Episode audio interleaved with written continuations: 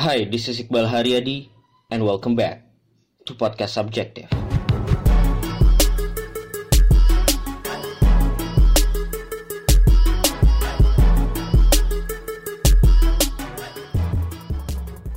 Yo, 24 Oktober 2020 kita kembali melakukan monolog dan di episode ini gue pengen membahas tentang uh, gue coba gue pengen coba merefleksikan satu tahun menjadi ayah gitu ya. Tapi sebelum mulai ke topik gue uh, pengen sharing aja. Gue dua hari ini lagi nontonin lagi di Netflix talk show namanya uh, My Next Guest Needs No Introduction by David Letterman atau kebalik ya David Letterman's My Next Guest Needs No Introduction itu talk show yang dibawakan oleh David Letterman. Jadi David Letterman itu apa legendary di dunia pertelevisian Amerika. Dia seorang stand up comedian.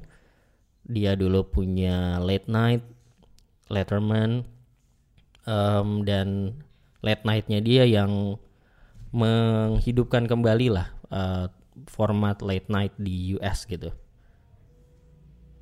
Dan dia udah senior banget, gue nggak tahu dia umurnya berapa ya, coba kita cari. Uh, David Letterman berapa sekarang dia umurnya? Umurnya adalah 73 coy, 73 tahun. So he's a legend. Terus kayak semua stand up comedian di US tuh waktu dia masih aktif acaranya ya jadi kayak apa ya kayak tujuan utama lah gitu kayak salah satu pencapaian tertinggi dalam uh, yang pengen dikejar atau milestone yang pengen dikejar sama stand up comedian adalah dapat slot untuk bisa stand up di acaranya David Letterman. Gitu. Um, dan konsep talk show-nya sebenarnya intinya dia menginterview tokoh-tokoh yang semua orang udah tahu lah siapa orang ini gitu ya. Ada Barack Obama, ada season 1 itu ada Barack Obama, ada aduh siapa tuh? Bapak-bapak ganteng gue lupa namanya. Uh, terus ada banyak lah, ada kalau yang cewek ada Melinda Gates, ada Malala juga, terus yang belakangan gue jadi nonton lagi karena gue ngeliat Robert Downey Jr. dia Robert interview Robert Downey Jr. juga nginterview Dave Chappelle Dave Chappelle yang dan gue baru tahu Dave Chappelle ternyata adalah jadi muslim gitu ya terus um, siapa Ellen DeGeneres gitu gitulah jadi dan gue suka banget uh, talk show-nya karena wow it's so casual gitu. Terus bentukan kursinya duduknya kayak gitu. Wah itu ini banget sih impian gue banget tuh ngetalk nge-host talk show kayak gitu formatnya kursinya kayak gitu. Terus kayak penontonnya rame orang wah seru banget seru banget seru banget. Terus gue mind blown sih karena I think the format dan the interview dan orang yang di interview juga mau bisa terbuka karena David Letterman udah se, se, se senior itu gitu dia seorang host yang sangat dihormati dan ibaratnya gue selalu percaya interview itu akan bagus ketika posisi antara interviewer dan yang diinterview itu setara gitu. Posisinya setara, yang diinterview juga respect sama orang yang nginterview dan ngerasa ada kedekatan sehingga dia akan mau terbuka dan ngasih story-story yang mungkin tidak akan dia bagikan kalau ditanyakan oleh orang-orang yang menurut dia biasa gitu ya. Jadi bukan masalah standar di masyarakat seperti apa, tapi buat orang yang diinterview ini, yang interview gue, gue punya respect juga sama dia, gue ngerasa dia orang yang setara sama gue, dan ada kedekatan sehingga gue mau ngebuka diri gue sama dia gitu nah itu menurut gue interview yang bagus tuh kayak gitu gitu dan itu butuh bertahun-tahun tapi gue suka banget lo harus nonton sih. Um, gue belajar banyak dari situ juga. So anyway sekarang gue pengen bahas tentang ya satu tahun menjadi ayah. Um, alasannya karena ya pengen aja bahas ini. Dan karena anak gue juga bulan Oktober kemarin udah satu tahun. Berarti satu tahun juga gue sudah menjadi ayah ditambah tentu saja uh, perjalanan sebelumnya ya ketika mulai ketika istri gue mulai hamil dan sampai lahiran dari lahiran sampai sekarang umurnya udah satu tahun gitu Dan kebetulan memang anak istri gue juga lagi nggak ada di rumah karena lagi pergi ke Bandung. Jadi gue tinggal di rumah karena gue harus kerja dengan setup yang udah ready di sini. Kalau nanti di sana harus setup segala macam lagi. Jadi gue di rumah di Jakarta maksudnya. Di Jakarta anak istri gue lagi di sana, istri gue nggak lagi nggak ada di sini. Nah gue bisa nih ngomongin tentang istri gue, tentang anak gue dengan lebih leluasa juga, maksudnya lebih santai lah gitu. Karena kan kalau misalnya lagi ada di sini, gue lagi gue ngomongin di sini juga kayak eh, nggak eh, tahu sih, nggak kenapa kenapa sih sebenarnya. Cuma ya that's why juga gue sekarang jadi bisa monolog lagi nih karena gue mungkin memanfaatkan momen-momen gue lagi sendiri ngomongnya jadi lebih enak gitu ya. Jadi gue mau merefleksikan merefleksikan satu tahun menjadi ayah. Um, ya tentu saja baru satu tahun gitu ya. I know, I know, I know, I know baru setahun. Tapi gue belajar banyak hal. Dan gue pengen mendokumentasikan ini juga. Sharing satu mendokumentasikan ini tentu saja. Supaya gue ada dokumentasinya. Dan gue bisa reflect back lah nanti ketika apa sih sebenarnya yang udah gue pelajarin? Gue sebenarnya sih lebih pengen nulis ya. Tapi kayaknya nulis butuh waktu lebih banyak. Jadi gue ini adalah ngomong dulu gitu. Sama yang kedua uh, sharing aja. Karena gue yakin sebenarnya banyak pendengar gue juga yang sebenarnya udah satu di satu rentang usia lah gitu ya. Kita ada di satu rentang usia dan mungkin uh, beberapa dari lo juga udah punya anak udah jadi orang tua juga mungkin lo jadi ibu gitu atau jadi bapak gue rasa bahasan-bahasan soal ini akan relate juga dan um, ya sebagai anak muda yang memang sudah berkeluarga juga gue rasa obrolan-obrolan seperti ini harus lebih banyak juga ya gitu biar kita tahu sebenarnya kita nggak sendiri kalau kita juga sharing uh, kalau orang tua orang tua muda yang lain juga mengalami hal yang sama gitu ya so mungkin gue mulai dari mana ya gue mulai mungkin dengan poin-poin yang ada di kepala gue gitu ya tentang apa itu apa yang gue pelajari dari satu tahun menjadi ayah yang pertama, menikah dan punya anak itu dua fase yang berbeda gitu. Dua, dua, berbeda nih. Lo persiapan menjadi seorang suami dan persiapan menjadi seorang ayah itu dua hal yang berbeda. Dua-duanya fase yang berbeda. Yang menurut gua idealnya ini of course opini pribadi gua berdasarkan pengalaman gua gitu ya. Yang menurut gua harusnya memang ada jeda nih antara lo menikah terus lo beradaptasi dengan dunia pernikahan baru kemudian lo menjalani jenjang menjadi seorang ayah gitu. Kalau di gua sendiri gua udah pernah cerita di episode yang gua ngobrol sama teman gua soal menjadi bapak-bapak muda judulnya itu ya kalau nggak salah gua. Ya intinya gua ngobrol sama teman gua tuh Alip, kita sahabat dari SMP gitu ya. Terus sekarang sama-sama udah punya anak ya kita sharing-sharing lah pengalaman menjadi bapak gitu ya dan yang gue share di situ intinya kalau gue pribadi memang perjalanannya gue menikah nih tahun 2017 gitu kan. Gue nikah tahun 2017 terus sebenarnya gue nggak ada gue dan uh, cantik nggak ada nunda untuk punya anak dan segala macam kita jalanin kayak biasa aja tapi memang nggak uh, belum dikasih lah gitu. Belum dikasih selama satu tahun gitu. Selama satu tahun belum dikasih belum belum hamil belum positif sampai terus setelah satu tahun baru uh, cantik ngerasa uh, kayaknya udah pengen deh gitu punya anak. Dan gue pada saat itu juga dari awal pernikahan gue bukan tipe orang yang kayak gue nggak nggak pengen segera punya anak tapi gue juga nggak nolak-nolak banget. Maksudnya nggak yang aduh jangan deh jangan deh gitu. Nggak kayak gitu. Ya gue gue nggak nggak nggak ada pikiran apa apa gitu. Maksudnya gue nggak ngoyo ke mana-mana. Gue nggak ngoyo pengen cepet nggak ngoyo pengen lama ya udah. Tapi uh, ditakdirkannya memang gua ya tadi ya ada jeda satu tahun gitu meskipun kita tidak melakukan apa-apa. Maksudnya tidak ada planning untuk menunda ataupun tidak ada planning untuk cepat-cepat gitu. Normal-normal aja tapi emang ternyata belum dapat gitu. Nah tapi gue bersyukurnya adalah jeda satu tahun itu menurut buat gue jadi jeda yang cukup yang cukup gitu. Untuk kita berdua jalanin dulu nih kehidupan berdua gitu. Kita beradaptasi dulu sama pernikahan, kita beradaptasi satu sama lain. Dan apa ya? Ya mungkin bahasa paling gampangnya kan sebenarnya uh, nikmatin pacaran dulu gitu ya. Tapi poin gue poinnya bukan itu sih sebenarnya. Poinnya bukan kayak nikmatin waktu bersenang-senang dulu terus nanti punya anak jadi tidak bersenang-senang. Menurut gue bukan itu poinnya karena punya anak juga ada kesenangan yang lain juga dan tetap bisa having fun juga gitu. Tapi lebih ke persiapan mental kali ya. Jadi kayak transisinya tuh ketika lo menikah terus jalanin pernikahan, lo tahu realita pernikahan itu kayak apa, lo tahu jalanin kehidupan berdua sama orang lain yang sebelumnya adalah orang asing itu kayak apa.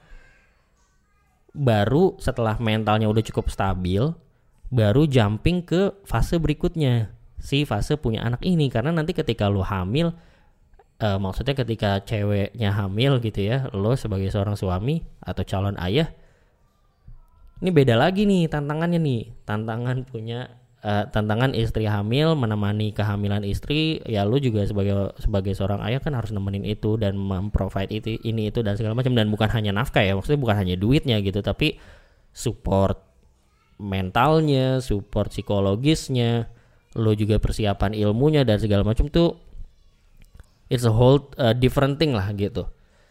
Jadi kalau gua bisa kasih pengal apa uh, usul gitu ya atau advice dari pengalaman gua tentu saja advice ini bukan berarti ini yang paling benar gitu ya. Tapi dari apa yang gua alami ternyata ideal juga ketika setelah menikah lu ada jeda dulu untuk kehidupan lu berdua baru kemudian lu masuk ke jenjang berikutnya untuk kehamilan gitu kehamilan dan uh, punya anak dan jadi orang tua.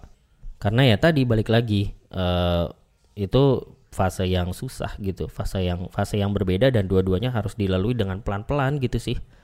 Apalagi buat kita-kita yang masih muda ya. Karena gue gue again balik lagi gue harus disclaimer berulang-ulang, gue tidak tidak uh, tidak ada yang benar, tidak ada yang salah. Cuma gue sendiri gue nggak gue kayak agak sulit membayangkan dan ngerasa kayak wah susah juga ya gitu kalau ngelihat teman-teman gue yang atau siapa pun yang kayak baru uh, nikah terus satu bulan dua bulan langsung hamil gitu it's good it's good for them gitu ya. Cuma gua gua sendiri nggak bisa membayangkan itu buat diri gua gitu karena kayaknya akan kaget gitu ketika kita juga belum kita belum kenal satu sama lain nih gitu. Kitanya berdua nih suami istri gitu kitanya pernikahan kita juga jalaninnya belum belum ready eh bukan belum ready masih proses transisi gitu ya.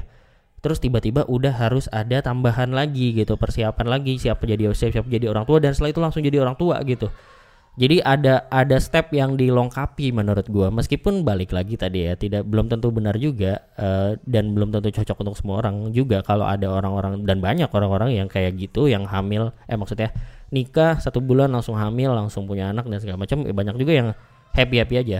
Jadi nggak ada hubungannya dengan happy atau enggak tapi balik lagi tadi. Persiapannya intinya sebenarnya ini adalah fase dua fase yang berbeda dan dua-duanya harus disiapkan dengan matang juga dan pastikan kita punya mental yang uh, siap gitu atau setidaknya kita siap lah untuk melalui proses transisi pembelajaran itu gitu. Nah berikutnya poin berikutnya yang gue pelajari juga adalah lo nggak akan pernah siap. Kan kadang-kadang suka ditanya nih ya kan kalau yang jomblo-jomblo belum nikah gitu kan ataupun yang udah nikah suka nanya juga kapan ya lo kapan ya kita bisa menentukan kapan kita siap nih masuk ke jenjang pernikahan gitu kan. Kapan kita siap nikah kapan kita siap jadi orang tua dan segala macam gitu ya. Menurut gue lo nggak akan pernah siap sih. Kalau pertanyaannya itu ya lo nggak akan pernah siap gitu. Karena apa indikator siap tuh apa? Nggak ada. Nggak ada indikator siap menikah nggak ada indikator siap menjadi orang tua gitu. Tidak ada indikator pastinya lah yang lebih tepat mungkin gitu. Tidak ada indikator pasti yang bisa disepakati oleh semua orang bahwa kalau kayak gini lo udah siap kalau kayak gini lo belum. Dan memang kondisinya sesiap apa sehebat apa pun lo mempersiapkan nanti pasti ada hal-hal yang lo pelajarinya ketika lo baru ketemu gitu. Uh, terutama ketika lo menjadi seorang ayah gitu ya. Karena ini proses yang belajar setiap hari uh, dan meskipun lo udah baca sana sini lo udah nanya sana sini lo udah wah apalah pokoknya banyak hal yang lo pelajari lo persiapan ini segala macam pasti ada aja yang lo miss lo nggak siap dan lo pelajarinya secara langsung gitu. Di sana di saat itu juga gitu ya. Jadi kalau menurut gua indikator utama atau ciri-ciri atau setidaknya kapan sih lo udah siap nih menjadi seorang ayah gitu ya menjadi seorang ayah atau uh, kalau mau agak flashback lagi tadi lo, kapan lo siap untuk nikah adalah ketika lo siap untuk eh atau lo siap berkomitmen belajar dan menanggung resikonya gitu. Menanggung konsekuensi mungkin bukan resiko ya. Lo siap berkomitmen untuk terus belajar dan menanggung konsekuensinya setelah menjadi ayah gitu oke gue akan menjadi ayah lo ngobrolin sama istri lo sama pasangan lo. Kita udah akan uh, berencana untuk punya anak atau uh, enggak gitu. Dan keputusannya adalah diambil ketika sama-sama udah sepakat kita akan kita harus berkomitmen akan menjalani ini menerima semua konsekuensinya dan menjadi pembelajar terus menerus gitu. Kita saling belajar satu sama lain gitu. Iya karena kalau gua flashback apakah gua siap gitu? Nggak juga kayaknya. Maksudnya bukan kayak kalau kayak lu mau SNMB SBMPTN gitu kan kayak lu kamu udah siap belum? Ya udah gitu ya gue udah belajar gue udah nyobain empat kali try out. Kayak gitu-gitu kan lu bisa jawab gitu ya. Tapi kalau jadi ayah itu nggak bisa nggak ada jawabannya kamu udah siap belum? Ya gue aja nggak tahu apa yang akan gue hadapin gitu. Maksudnya ada lah kebayang ini itu dan segala macam gue juga waktu kehamilan kan sama istri gue ikut beberapa workshop gitu. Kayak kita untuk proses kelahiran aja ya kita ada ikut yoga ikut ini itu dan segala macam terus kayak ikut workshop apalah gitu gini gitu ada lah persiapan persiapan kayak gitu. Tapi nggak bisa jawab seperti gue jawab tadi udah siap SNMPTN atau belum? gitu tapi ketika guanya udah ada komitmen oke okay, um, ya gua dan istri tentunya semangat naik turun komitmen naik turun ya. Tapi kalau kita sama-sama udah berkomitmen ya kita jadi bisa jalanin itu gitu sih. Ini sounds too general nggak ya? Tapi ya kurang lebih gitulah. Nanti uh, kalau gua kepikiran contoh-contoh nanti kita bahas. Nah terus poin berikutnya adalah oke okay, lo nggak akan pernah siap lo nggak akan tahu. Yang penting lo berkomitmen untuk jadi terus belajar setiap hari gitu ya. Karena poin berikutnya adalah jadi orang tua ternyata berat banget coy. Berat banget. Beratnya dalam artian it's not an easy job seperti yang orang-orang suka remehkan gitu maksudnya. Dan ini baru kerasa ya maksud gue baru kerasa ketika ketika gue jadi orang tua gitu. Ketika gue jadi ayah gue ngeliatin uh, istri gue jadi ibu juga gitu hal-hal yang dulu gue kira hal-hal simple ternyata tuh susah dan takes time dan takes energy. Mental tolnya tuh gede juga gitu. Jadi jadi orang tua tuh luar biasa lah pokoknya gitu ya.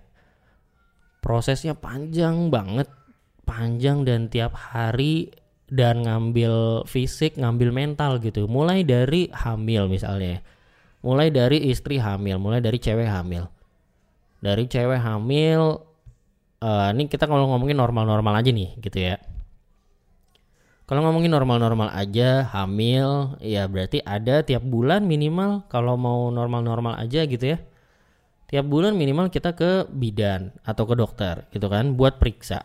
Dan pada kon pada kondisi gue gue di Jakarta di tempat yang gue juga maksudnya gue kan aslinya di Bekasi gitu ya tempatnya gue nggak terlalu tahu juga dan belum banyak explore gitu. Maksudnya belum tahu sebenarnya di sini yang dipercaya gimana sih gitu dan segala macam ya gue nggak berani ambil resiko lah gitu. Ke bidan ada nih dekat rumah gitu tapi gue nggak tahu kualitasnya gimana dan gue pengen yang terbaik buat apalagi anak pertama gue gitu kan. Gue I have no clue.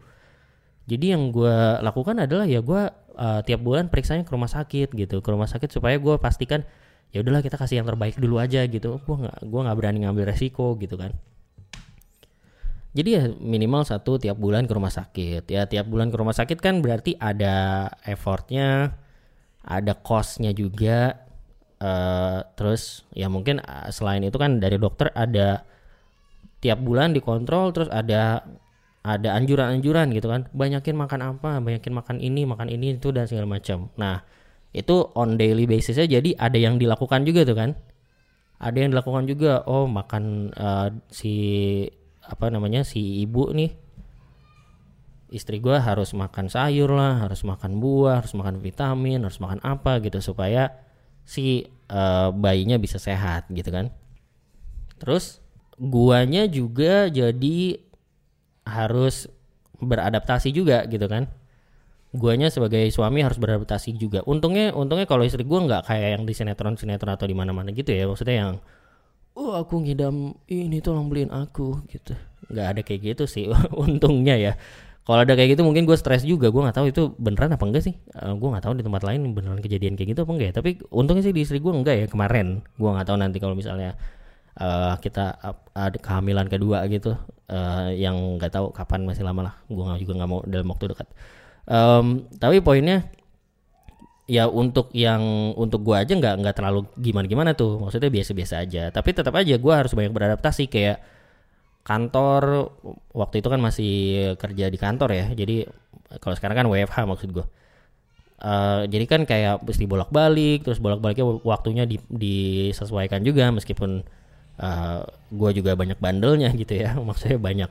Bilangnya pulang jam berapa gue pulangnya jam berapa ya itu masih banyak miss di situ lah tapi jadi tetap ada yang di-adjust sama gue terus kayak oh ya tiap pagi kita jalan pagi gitu-gitu supaya istrinya tetap uh, apa karena dianjurkan nih terus makin gede uh, bulan-bulan ke berapa tuh ya? Bulan-bulan ke ke enam apa ya? Ke lima ke enam gitu kita kayak tiap hari jalan pagi keliling di lapangan gitu. Jadi pagi udah keluar gue temenin dia olahraga gitu. Karena supaya si apanya tuh kakinya tempat keluarnya tuh jadi kebuka. Eh bukan salah salah coy. Salah salah ral ral supaya anaknya makin turun ke bawah gitu. Terus makin turun ke bawah kepalanya nih yang di bawah. Nah ini yang kayak gini-gini jadi belajar juga nih. Jadi akhirnya kayak oh ya posisi anaknya tuh yang pas supaya nanti kepalanya di bawah. Supaya pas kelahiran kalau lahiran normal ya lebih gampang karena kepalanya udah di bawah gitu. Kalau karena bayi kan di dalam muter-muter tuh dia tuh. Kalau lo belum tahu ya di bayi tuh muter-muter tuh pala biasa di atas bisa di bawah nah kalau kita rajin jalan, ibunya rajin jalan, dia otomatis kepalanya bakal ke bawah sehingga lahirannya lebih gampang gitu. Nah, tapi belum lagi nanti kalau si bayi muter-muter ya kan. Ucusnya eh bukan ucusnya ya, apa tuh namanya? Ari-ari, bukan ari-ari. Aduh, apa sih? Plasenta. Eh bener gak sih? Astaga, gue anak biologi, gue udah lupa juga. Plasenta ya kan? Ya, plasenta dah pokoknya. Yang tali pusarnya itu kan. Plasentanya tuh karena dia muter-muter nih si bocah bisa ngelilit badan dia gitu. Kalau badannya kelilit nanti lahiran nggak bisa karena nanti uh, karena ada dia kelilit mungkin masuk kelilitnya ke mana ke mana gitu. Jadi susah gerak lah intinya. Jadi berbahaya buat si bayinya kalau lahiran normal. Nah kalau kayak gitu bisa jadi harus sesar dan lain-lain gitu. Jadi kayak banyak nih konsekuensi-konsekuensi yang harus dilakukan termasuk olahraga yoga. Yoga maksudnya bukan yoga yang ke yang tiap hari sama instruktur gitu ya. Tapi yoga di rumah gerakan-gerakan kayak gitu-gitu. Belum lagi kayak kita di ngajiin dibacain bahkan sejak sejak uh, di perut gitu ya. Terus lahiran proses lahiran. Wah proses lahiran nih proses yang berbeda juga. Jadi kalau kalau kita waktu itu lahiran di Bandung karena memang ada uh, istri gue pengen lahiran di satu ada satu bidan gitu yang memang dia pakai proses uh, yang apa ya proses lahiran normal alami dan dengan cara islami lah gitu ya. Kalau yang uh, yang yang yang kita datang itu namanya bidan bumi bahagia. Apa sih? Bumi bahagia. Kayaknya bukan ini deh. Apa sih Oh ini dia nih, nih, nih. Bidan Farida Bumi Sehat Bahagia. Ini ada di Bandung. Lokasinya kurang lebih 15 sampai 20 menit dari rumah gua rumah gua di Bandung. Nah, kita memang pengen lahiran di sana si cantik memang pengen lahiran di sana jadi sebulan menjelang HPL itu udah di Bandung nih nah dan terus gue tiap minggu bolak-balik Bandung nah e, ketika hari H itu sebenarnya besoknya gua udah balik ke Jakarta nih buat kerja lagi gitu. Jadi kalau nggak salah waktu itu kayaknya HPL masih seminggu lagi apa ya? Duh gue lupa nih kalau istri gue tahu gue salah digeplak kali gue. Tapi intinya besoknya tuh sebenarnya kita mau uh, eh, gue udah harus balik lagi ke Jakarta gitu. Tapi ternyata malamnya tengah malam istri gue udah bolak-balik apa bangun terus ini uh, udah panas nih udah gini-gini nih anak kamu mau keluar kayaknya udah wah udah udah ini deh. Tapi karena kita udah belajar gitu kan apa yang harus dilakukan ketika kayak gitu kita nggak panik gitu santai. Nah justru gue waktu itu deg-degan ngasih tahu ke mertua gue karena mertua gue orangnya panikan gitu jadi kayak sebenarnya kita udah bangun dari jam 2 gitu udah siap-siap udah dihitungin dulu uh, apa uh, kontraksinya tuh seberapa berapa per menit kayak gitu-gitu ada ada teorinya lah kalau angkanya udah sekian berarti ini udah mau lahiran gitu-gitu nah kita udah observasi dari jam 1 apa jam 2 gitu. Sampai jam 3 kita tunggu deh sampai jam 3 hitungannya kalau bener baru kita berangkat gitu. Nah pas jam 3 gue ngasih tahu ke mertua gue mertua gue semi-semi marah gitu kayak ini bukan yang dari tadi dikasih taunya. Ya ini dia gitu. Kenapa kenapa gue baru kasih tahu? Ya karena kalau dikasih tahu dari awal juga udah panik duluan gitu dah. Terus intinya kita langsung berangkat ke bidan terus pagi eh, pagi-pagi tuh subuh ya ke bidan terus uh, ternyata di sana lagi lahiran juga bidan lagi rame dan lagi kalang kabut dan segala macam gue dianggurin gue dimarahin sama bidan entar eh, dulu nih gue lagi wah gitulah. Uh, ternyata pas diperiksa baru bukaan baru bukaan dua kalau gue nggak salah. Jadi kayak masih ya udah tunggu lu pulang dulu lagi dah gitu. Nih dikasih suruh makan ini makan makan kiwi makan ini itu segala macam buat me, merangsang lagi uh, kontraksinya lebih kencang lagi. Akhirnya kita pulang lagi tuh. Pulang lagi ke rumah kira-kira jam berapa ya? Jam 10 apa jam 11 gitu. Makin kenceng tuh kontraksinya makin kenceng balik lagi ke bidan. Tapi ini udah gue udah yakin ini ini udah udah parah banget nih. Soalnya nih kalau kita balik lagi disuruh pulang lagi, ini juga nih kasihan. Maksudnya istri gue juga jadi stres gitu kan karena udah ke sana sama nih balik lagi padahal udah sakit udah udah mules-mules dan segala macam akhirnya balik lagi. Nah di sana pas udah nyampe balik lagi ternyata kamar uh, salinnya penuh. Jadi kita sebenarnya udah ada satu kamar yang pengen kita booking juga tapi ternyata penuh terus harus akhirnya harus nunggu di ruang periksa. Kira-kira jam satu baru ada yang kosong kita pindah ke situ. Nah terus kira-kira jam 3 uh, 3 sorenya baru tuh udah proses lahiran proses lahiran itu udah udah mau proses lahiran banget. Nah jam 3 itu gue ada di di situ tuh di samping istri gue jadi gue megangin tangannya gue kayak sinetron banget lah. Gue megangin tangannya ya kan? Eh kamu bisa kamu bisa ya kayak gitu gitu uh, sebenarnya nggak nggak gitu gitu banget sih tapi tapi tapi balik lagi ke poinnya poinnya adalah kan sebenarnya uh, perjuangan orang tua luar biasa banget ya. Dan terutama ibu sebenarnya. Karena ya lu gua yang gue ceritain dari tadi kan sebenarnya subjek utamanya istri gua. Subjek utamanya ibu kan. Ibarat kata nih kalau gua nggak ada kalau bapak-bapak nggak ada gitu ya ada seorang ibu hamil bapak-bapak nggak ada ibu-ibunya survive. Survive survive aja sebenarnya. Jadi wanita tuh kuat banget sebenarnya. Uh, dan tentu butuh support dari laki-laki gitu ya. Tapi kalau gue pikir-pikir anjir sebenarnya nggak penting-penting banget juga ada laki-laki gitu. Jadi gara-gara gue memang tidak ada laki-laki ini jangan terla, jangan merasa lebih tinggi dari wanita gitu. Tidak tidak benar sama sekali gitu. Soalnya kayak waktu gue nemenin istri gue juga waktu nemenin kan jam 11 udah di bidan gitu. Terus ya udah dia udah mules-mules. Tapi jadi kalau lo mau lahiran tapi bukaannya tuh belum sampai bukaan berapa gitu ya yang intinya uh, lo belum kebuka-buka banget nih. Meskipun lo mules dan lo ada dorongan buat ngeden gitu ya lo nggak boleh.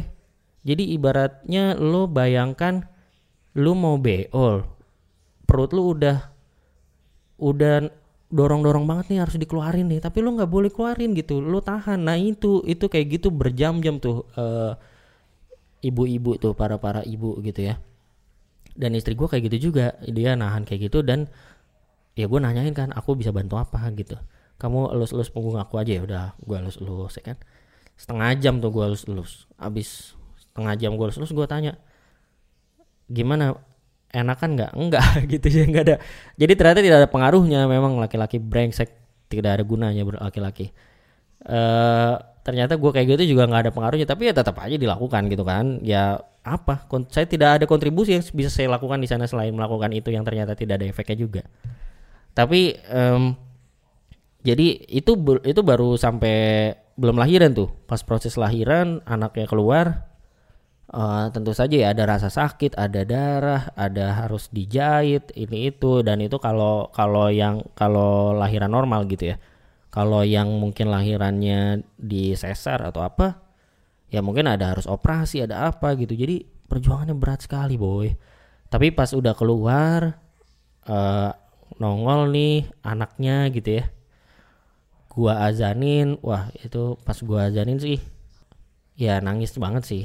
Em, maksudnya em, ya baru tuh di situ kerasa wah gue jadi ayah nih gitu. Eh, istri gue jadi jadi ibu gitu kan. Dan eh, itu baru itu baru permulaan tuh. Itu baru permulaan. Baru permulaan yang kemudian ya ujungnya berikutnya adalah yang ngurus anak gitu. Ngurus anak anaknya nangis diminumin anak anaknya beol di cebokin anaknya ini itu apa segala macam gitu. Em, dan masih panjang tuh. Ntar ngeliatin beratnya naik atau enggak makanannya bener atau enggak. Belum lagi ketika sakit. Nah gue tuh kemarin eh, sem- udah sempat tuh merasakan anak gue udah sakit gitu ya. Sempat panas. Tiga hari nggak turun-turun tiap malam nggak bisa tidur nangis-nangis digendong nggak mau ditaruh gitu harus digendong terus gitu. Gue sama istri gue gantian. Dan itu di situ gue baru ngerasain tuh yang orang tua itu memang pengen anaknya kalau anaknya sakit itu berdoa supaya sakitnya pindah aja dah ke gue gitu.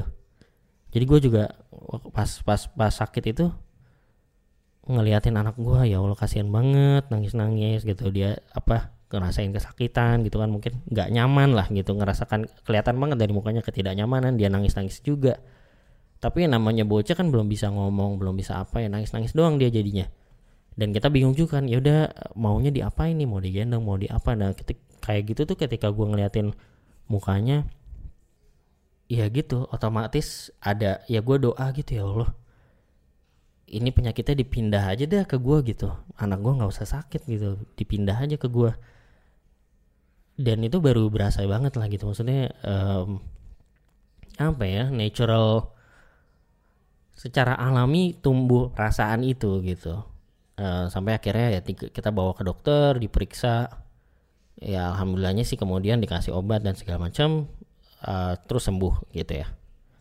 Tapi poinnya balik lagi bahwa proses menjadi orang tua tuh berat luar biasa. Tidak berarti bahwa kayak eh, membuat lo takut untuk jadi orang tua ya gitu. Cuma gue lebih ke kayak wah gue jadi bisa reflect back juga gitu ke ke orang tua gue gitu. Bagaimana eh, orang tua gue juga berarti mengurus gue kayak gini juga gitu. Mengurus gue kayak gini juga perjuangannya kayak gini juga. Belum lagi mikirin yang lain-lain kan kayak mikirin duit ini makan dari mana eh nanti dia duit sekolahnya gimana dan lain-lain. Ada banyak lah buntut-buntutnya gitu ya nah sehingga jokes aside kadang-kadang gue tuh mikir kayak ini gue kalau ketemu sama orang tua yang maksain kehendaknya buat anaknya gue tuh jadi paham gitu. Gue tuh jadi paham. Mungkin tidak bukan bukan mewajarkan bukan setuju gitu ya. Bukan berarti setuju tapi gue bisa paham gitu kalau ngeliat orang tua yang kayak pengen kamu harus jadi dokter kamu harus ngambil kedokteran. Tapi akunya maunya main band pak aku maunya main band main band nggak ada masa depannya kamu jadi dokter aja. Lalalalalalala, gitu. Nah kalau ada yang kayak gitu-gitu tuh gue bisa paham. Gue bisa kayak eh nyet susah tau ngurus lu dari kecil. Udah lu ikut aja. Dari dulu juga gue yang ngasih makan lu dari dulu juga gue yang gedein lu gue yang korban darah tangisan apa gitu gitu udah lu ngikut aja gitu. Gue jadi paham tuh gue jadi ngerti oh iya kayak gini gini tuh memang kan kadang-kadang maksudnya ya in an ideal world in an ideal condition yes orang tua kalau bisa sih memfasilitasi keinginan anaknya. Iya anak-anak punya ke kita sebagai anak-anak dan gue yakin lo juga kan pasti pernah berantem sama orang tua lo lo punya keinginan apa orang tua lo tuh punya keinginan yang lain terus lo berantem gitu kan. Dan lo jadi ngerasa kayak kok jadi kayak gue yang durhaka sih? Padahal ini kan kehidupan gue harusnya gue yang me gue yang me, gue yang akan menjalani gue yang memutuskan dong bla bla bla segala macam gitu. Gue paham di bagian itu tapi dengan setelah gue jalanin jadi orang tua gue juga paham di sisi di sisi lainnya gitu. Gue paham ketika ada orang tua yang memaksakan kehendak pada anak itu bukan karena kadang-kadang karena memang the investment is too too big gitu. Balik lagi tadi ya gue bukan mau justify atau apa cuma gue jadi paham aja gitu. Gue jadi paham kenapa misalnya bokap gue tuh keras sama gue gitu karena ya di satu sisi mungkin ada keterbatasan pengetahuan gitu ya. Maksudnya ada keterbatasan cara. Mungkin dia dibesarkan dengan orang tua kita dibesarkan dengan cara apa dan dia berusaha untuk membesarkan kita dengan cara itu juga. Karena di, itu yang dia tahu cara paling terbaik gitu ya. Tapi di sisi lain perjuangan berat ini memang ya tadi gue bisa paham gitu. Gue bisa kayak tiba-tiba lompat nih ke beberapa tahun kemudian terus anak gue ini apa uh, minta ini itu dan segala macam dan kondisi gue terbatas misalnya sangat mudah untuk keluar kartu itu dari dari mulut gua gitu. sangat mudah untuk mengeluarkan kartu bahwa kamu tuh ah, udah diurusin dari kecil, dada dada dada dada gitu. Itu gue jadi bisa paham. Gue jadi bisa paham. Ya tentunya makanya dengan semua perjuangan yang tadi, terus bahwa gue tentunya pengen juga cara edukasi gue ke anak gue tentunya lebih lebih baik dari cara orang tua gue kepada gue gitu ya. Gue pengen memberikan kebebasan kepada anak gue dia pengen jadi apa gue jadi fasilitatornya dan segala macam oh itu mimpi-mimpinya banyak tuh. Gue punya banyak mimpi-mimpi kayak gitu. Jadi orang tua yang lebih baik. Tapi ya berarti kan konsekuensinya adalah lebih berat lagi nih perjuangan perjuangan gue dibanding yang tadi uh, di atas tadi yang basic-basic kayak memberikan makan memastikan anak gue sehat menyiapkan duit sekolah dia dan lain-lain gitu ya tapi di on top of that ada lagi nih, oh berarti gue harus punya knowledge yang lebih tinggi lagi dong. Gue harus jadi orang tua yang lebih bijaksana lagi dong, supaya cara gue mengedukasi dia, cara gue membesarkan dia lebih demokratis, lebih bagus, lebih membuat dia bisa berkembang dengan apa yang dia inginkan dan lain-lain gitu. Konsekuensinya jadi persiapan gue menjadi orang tua jadi lebih berat lagi gitu. Nah gitu tuh, itu gambaran lah buat lo ya. Baik, gue yakin kalau lo udah jadi orang tua lo akan bisa relate sama gue sih Uh, tapi kalaupun belum, ya mungkin penambahan perspektif buat lo untuk melihat juga uh, bagaimana kenapa misalnya orang tua lo berperilaku tertentu kepada lo gitu ya. Nah, sehingga apalagi ya poin berikutnya juga dari apa yang gue ceritakan tadi adalah jadi make sense nih buat gue. Dunia tuh jadi make sense. Banyak hal di dunia ini yang tadinya gue gak ngerti jadi make sense. Hal-hal kecil kayak misalnya hari Sabtu libur ya kan bokap gue kerjaannya tidur mulu kalau hari Sabtu tuh. Padahal gue pengen aduh hari Sabtu kan hari libur. Kita ngapain gitu melakukan sesuatu yang produktif? Olahraga ke apa ke dan segala macam dan sekarang jadi make sense buat gue kalau hari Sabtu gue juga pengennya tidur doang. Karena ya udah capek coy. Capek kerja capek um, ini itu terus ngurus anak juga ya. Udahlah tidur aja lah kita gitu jadi make sense gitu. Terus apalagi ya? Ya kayak tadi lah kayak hal tadi. Oh ternyata orang tua suka maksa ke anaknya tuh ya mungkin salah satunya karena itu juga gitu. Karena waduh ini udah diurusin ini itu ini itu dan segala macam gitu. Oh ya jadi make sense. Jadi gue jadi bisa paham. Setuju enggak sih itu urusan kedua gitu ya? Tapi gue jadi bisa paham. Oh ternyata begini memang cara dunia bekerja gitu. Ini hal-hal yang tadinya gue nggak ngerti hal-hal yang tadinya gue nggak setujui ternyata tuh begini gitu termasuk kayak misalnya um, ya let's say misalnya kita diajarkan kalau yang kita hormati itu ibu-ibu ibu bapak gitu kan. Itu kan kita udah diajarin dari kecil diceritakan juga ya karena memang ibu kalian mengandung bla bla bla bla gitu kan. Kalau bapak uh, ya kalau ibu mengandung dia yang menyusui dia yang ini itu ini itu udah. Tapi ya dulu kita paham ya udah gitu. Nah tapi sekarang setelah gue jadi ayah dan mengalaminya langsung itu jadi lebih lebih make sense gitu. Oh ya beneran aja pantas banget nih ibu-ibu ibu bapak gitu emang laki-laki brengsek tidak ada gunanya gitu. Yang berguna adalah ibu gitu, yang berguna adalah perempuan gitu, yang strong adalah perempuan kan makanya kenapa perempuan tuh sangat dihor sangat dimuliakan gitu di di Islam misalnya gitu ya atau di uh, society secara umum ya harusnya kita memang memuliakan wanita karena tanpa wanita ya tidak tidak bisa bayi-bayi ini bertumbuh gitu, bertumbuh dengan benar uh, sehingga society ini bisa jadi gitu. Ada rakyat-rakyat manusia-manusia yang membangun uh, masyarakat komunitas kita tidak bisa terjadi kalau tidak ada wanita, tidak ada perempuan gitu.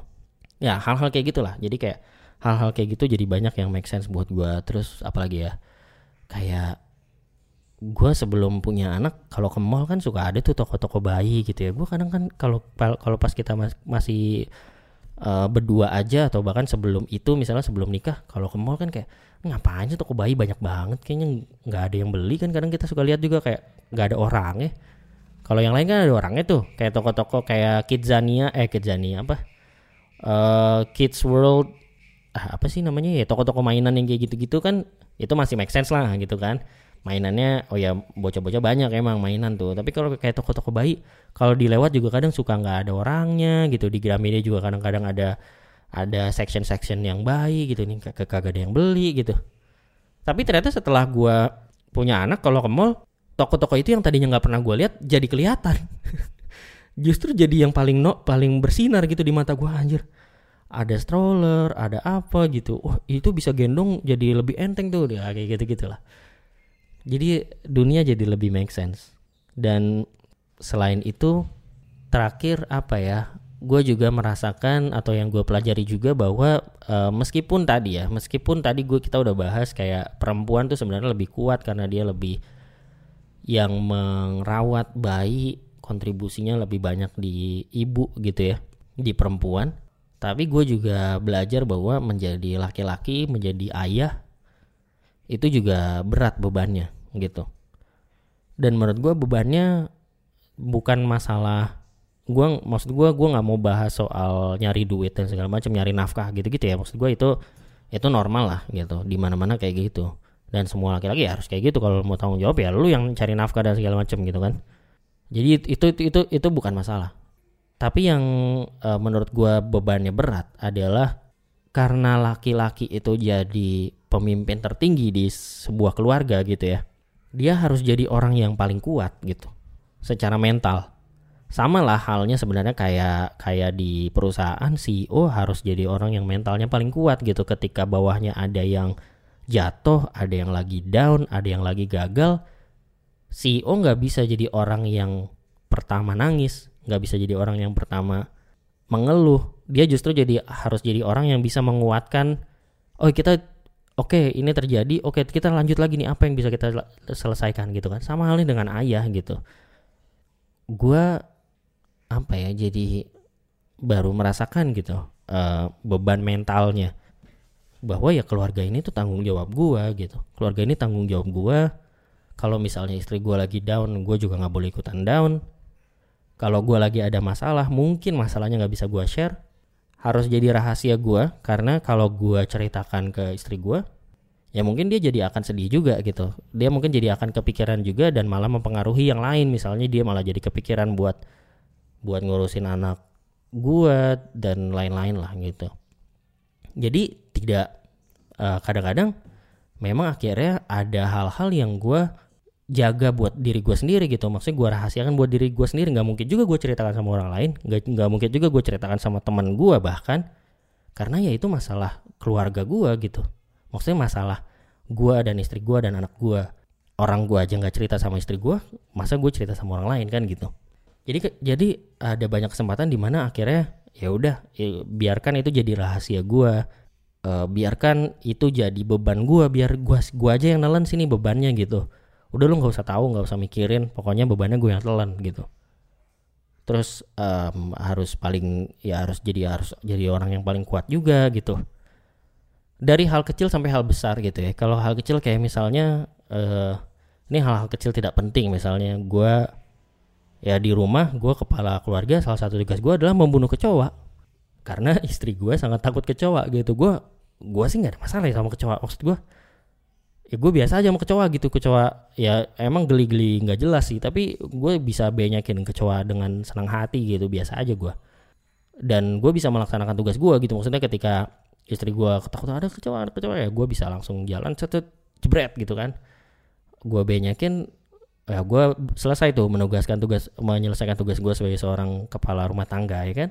Cuma gue bayangin juga kalau ada cowok-cowok yang takut kecoa terus kalau kayak gitu gimana ya akhirnya kan itu jadi beban dia juga gitu. Maksudnya ya lu kepala rumah tangganya ya harus kecoanya lu harus lu yang bunuh lah. Kok lu takut juga anjing cemen?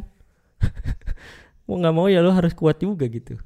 Uh, itu misalnya hal-hal kecil kayak gitu. Hal-hal gede kayak kayak apa ya? Ya mungkin masalah-masalah ekonomi masalah-masalah hubungan dengan apa ya? Ya nggak bisa gue ceritakan lah. Tapi poinnya adalah ya menjadi ayah itu akhirnya memang banyak rahasia yang dipendam sendiri, banyak beban yang harus dimakan sendiri gitu.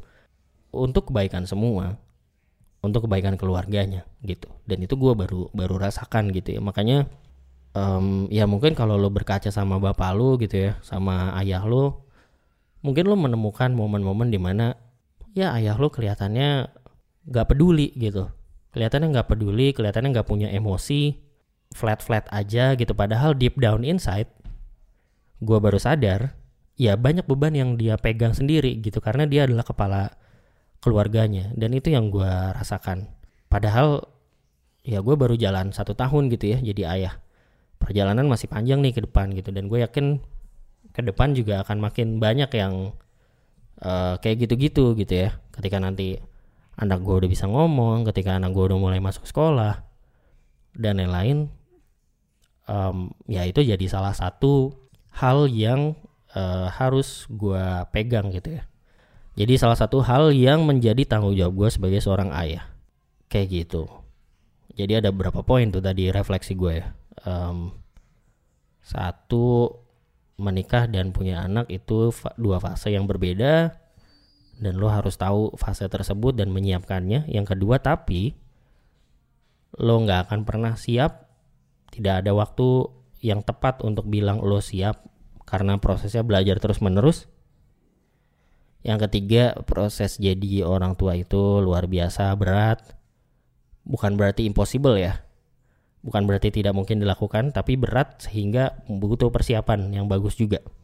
Terus apa lagi tadi? Keempat, uh, oh dunia jadi make sense. Sama yang terakhir, menjadi ayah ternyata tanggung jawabnya besar gitu ya.